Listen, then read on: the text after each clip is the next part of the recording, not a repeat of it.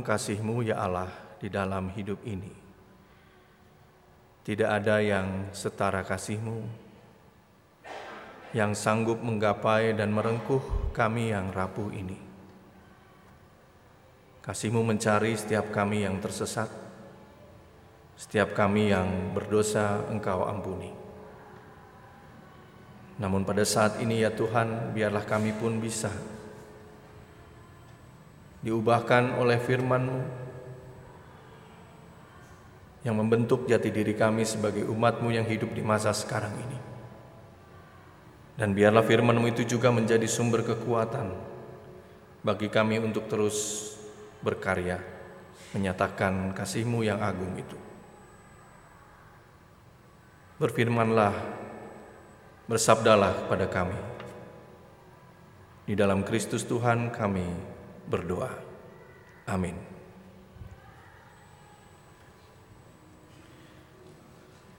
Ibu bapak dan saudara-saudari yang dikasihi Tuhan, mari kita bersama-sama membuka kitab ratapan 4 ayat 1 sampai dengan ayat yang ke-13.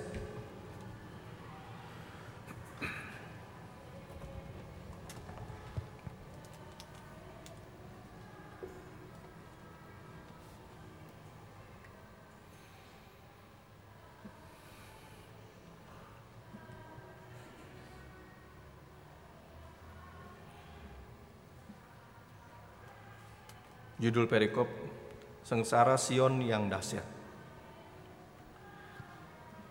Ah, sungguh pudar emas itu, emas murni itu berubah. Batu-batu suci itu terbuang di pojok setiap jalan. Anak-anak Sion yang berharga, yang setimbang dengan emas tua, sungguh mereka dianggap belanga-belanga tanah buatan tangan tukang periuk. Serigala pun memberikan teteknya dan menyusui anak-anaknya. Tetapi putri bangsaku telah menjadi kejam seperti burung unta di padang pasir. Lidah bayi melekat pada langit-langit karena haus. Kanak-kanak meminta roti tetapi tak seorang pun yang memberi.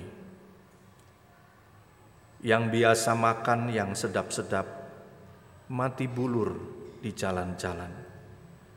Yang biasa duduk di atas bantal kirmisi, terbaring di timbunan sampah. Kedurjanaan putri bangsaku melebihi dosa Sodom, yang sekejap mata dibongkar bangkir tanpa ada tangan yang memukulnya.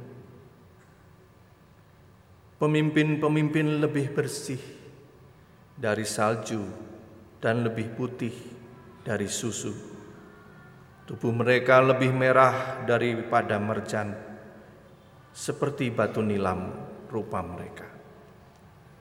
Sekarang rupa mereka lebih hitam daripada jelaga. Mereka tidak dikenal di jalan-jalan. Kulit mereka berkerut pada tulang-tulangnya, mengering seperti kayu. Lebih bahagia mereka yang gugur karena pedang daripada mereka yang tewas karena lapar, yang merana dan mati sebab tidak ada hasil ladang. Dengan tangan sendiri wanita yang lemah lembut memasak kanak-kanak mereka untuk makanan mereka tatkala runtuh putri bangsaku. Tuhan melepaskan segenap amarahnya, mencurahkan murkanya yang menyala-nyala dan menyalakan api di Sion yang memakan dasar-dasarnya. Tidak percaya raja-raja di bumi pun seluruh penduduk dunia bahwa lawan dan seteru dapat masuk ke dalam gapura-gapura Yerusalem. Hal itu terjadi oleh sebab dosa nabi-nabinya dan kedurjanaan imam-imamnya yang di tengah-tengahnya mencurahkan darah orang yang tidak bersalah. Demikianlah sabda Tuhan yang menyapa kita pada kesempatan ini. Berbahagialah setiap orang yang mendengarkan, memelihara dan melakukan dalam hidup setiap hari. Haleluya. Haleluya. Haleluya. Haleluya.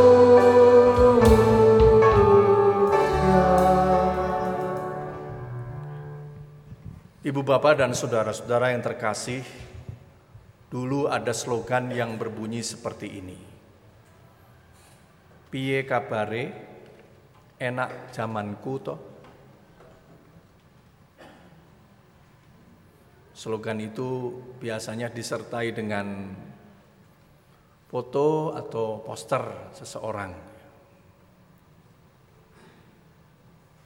Slogan tersebut Bapak Ibu dan Saudara yang terkasih memang syarat akan muatan politis. Namanya politik pasti ada tujuannya yang mengajak orang untuk kembali mengenang masa lalu dengan membandingkan dengan masa sekarang. Masa lalu dinilai lebih baik, sementara masa sekarang kurang baik. Masa lalu dinilai memiliki kebanggaan, sementara masa sekarang kurang. Masa lalu dianggap lebih membawa kesejahteraan dan kebahagiaan. Sebaliknya, masa sekarang tidak. Hal ini bisa saja, Bapak, Ibu, dan saudara yang terkasih, dianggap sebagai sebuah kebenaran. Ada benarnya, memang ada benarnya. Saya merasakan juga, kalau zaman dulu harga bensin tidak semahal zaman sekarang. Harga rokok tidak semahal harga sekarang ya bapak-bapak yang merokok. Membawa kita kepada sebuah kenangan. Ada benarnya. Tapi sebaliknya Bapak Ibu dan Saudara, slogan tersebut juga bisa dinilai hanya mengajak orang untuk sejenak bernostalgia dan mengaburkan realitas yang sebenarnya harus dihadapi di masa sekarang ini. Apakah penulis kitab ratapan bernostalgia? Apakah di pasal 4 yang kita baca tadi bersama-sama penulis sedang berromantisme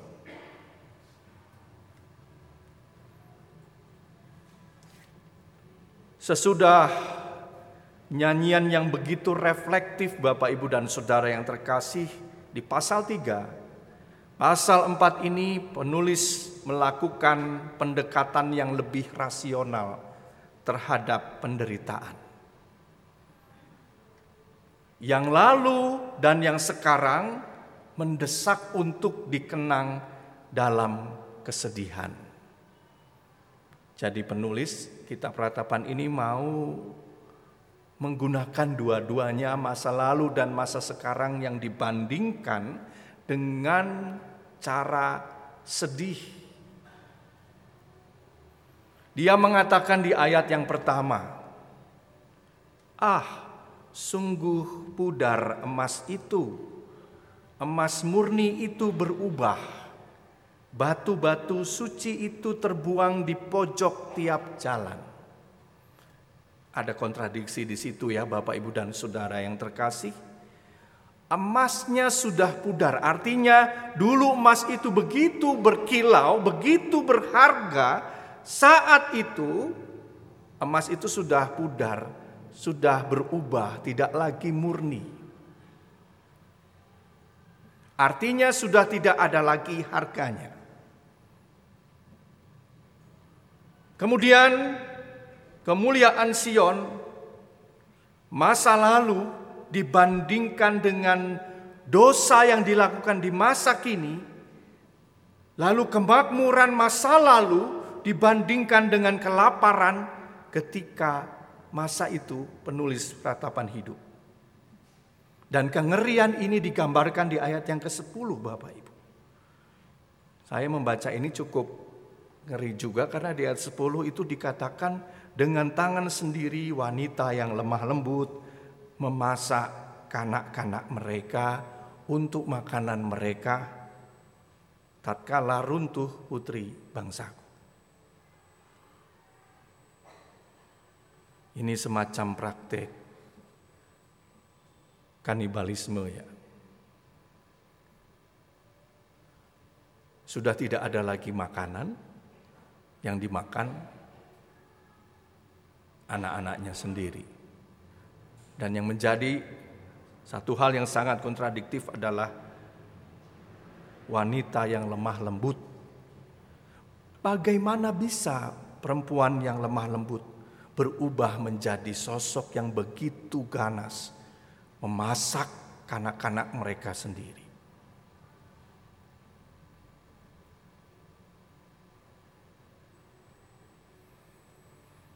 Lalu penulis ratapan Bapak Ibu dan Saudara dengan jujur mengakui bahwa semua yang terjadi pada saat itu adalah karena dosa-dosa mereka.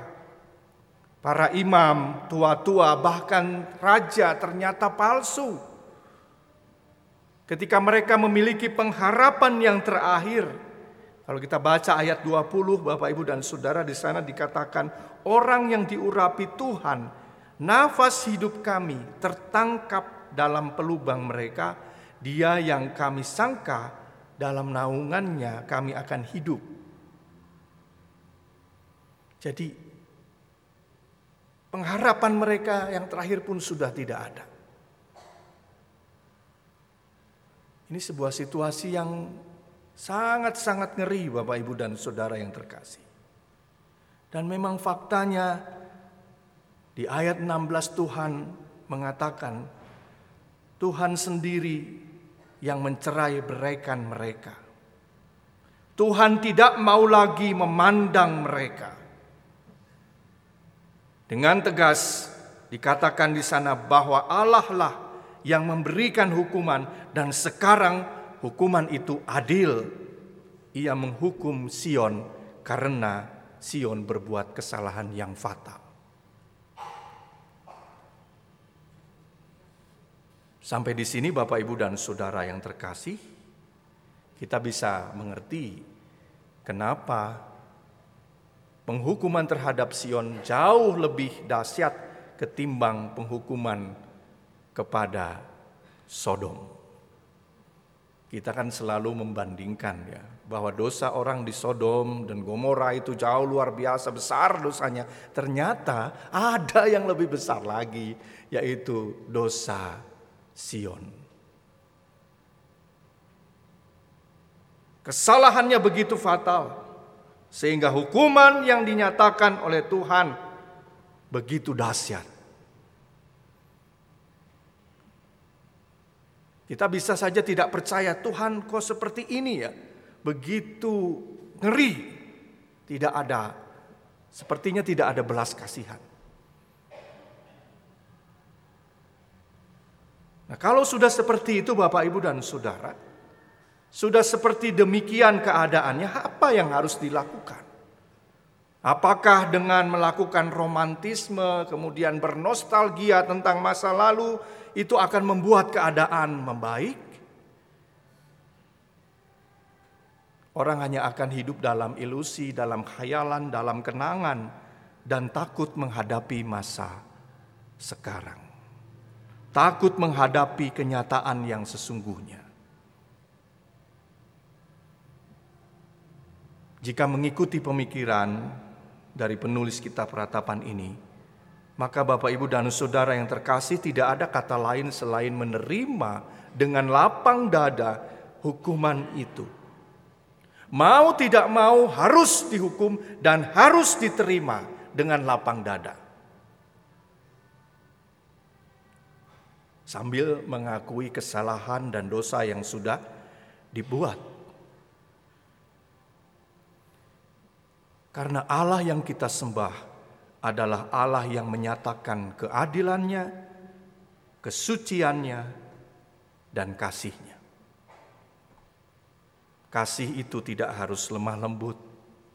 Lemah lembut itu bukan berarti pelan, halus, tapi lemah lembut juga bisa berarti tegas, menyatakan kesalahan, dan dihukum. Allah melepaskan segenap amarahnya karena dia adalah Allah yang maha suci. Allah yang tidak berkompromi dengan dosa sekalipun mereka adalah umat pilihannya sendiri. Sekalipun Israel adalah anaknya sendiri.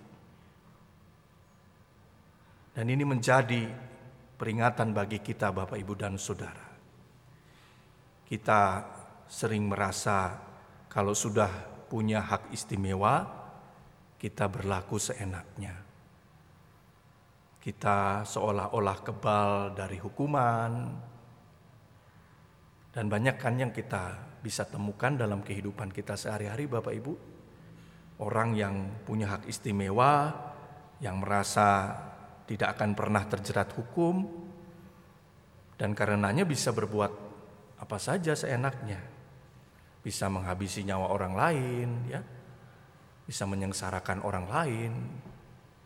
Begitu juga dengan kita Bapak Ibu dan Saudara, kita sering kali lupa kita punya hak istimewa, kita adalah anak-anak Allah, umat pilihan Allah.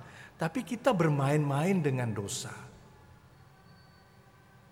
Dengan anggapan bahwa Allah tidak akan memberikan penghukuman. Padahal konsekuensi dari dosa tetap akan kita alami selama kita hidup.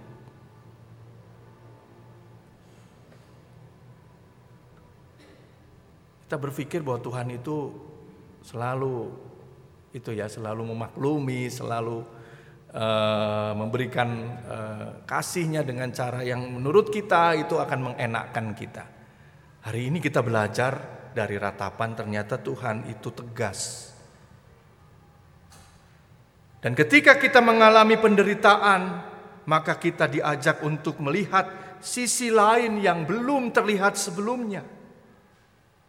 Bukan saja melihat tetapi mendorong kita untuk melakukan sesuatu dalam penderitaan itu. Oke, saya adalah orang yang dihukum oleh Tuhan, tetapi tidak berhenti di situ Bapak Ibu dan Saudara.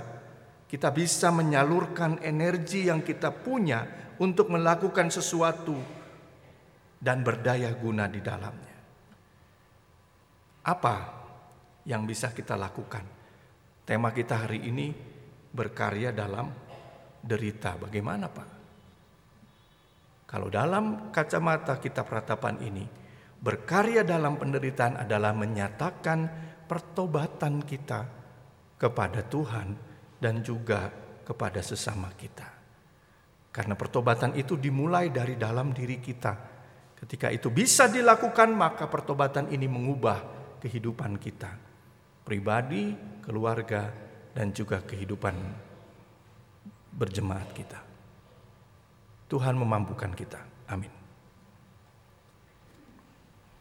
Kita bersatu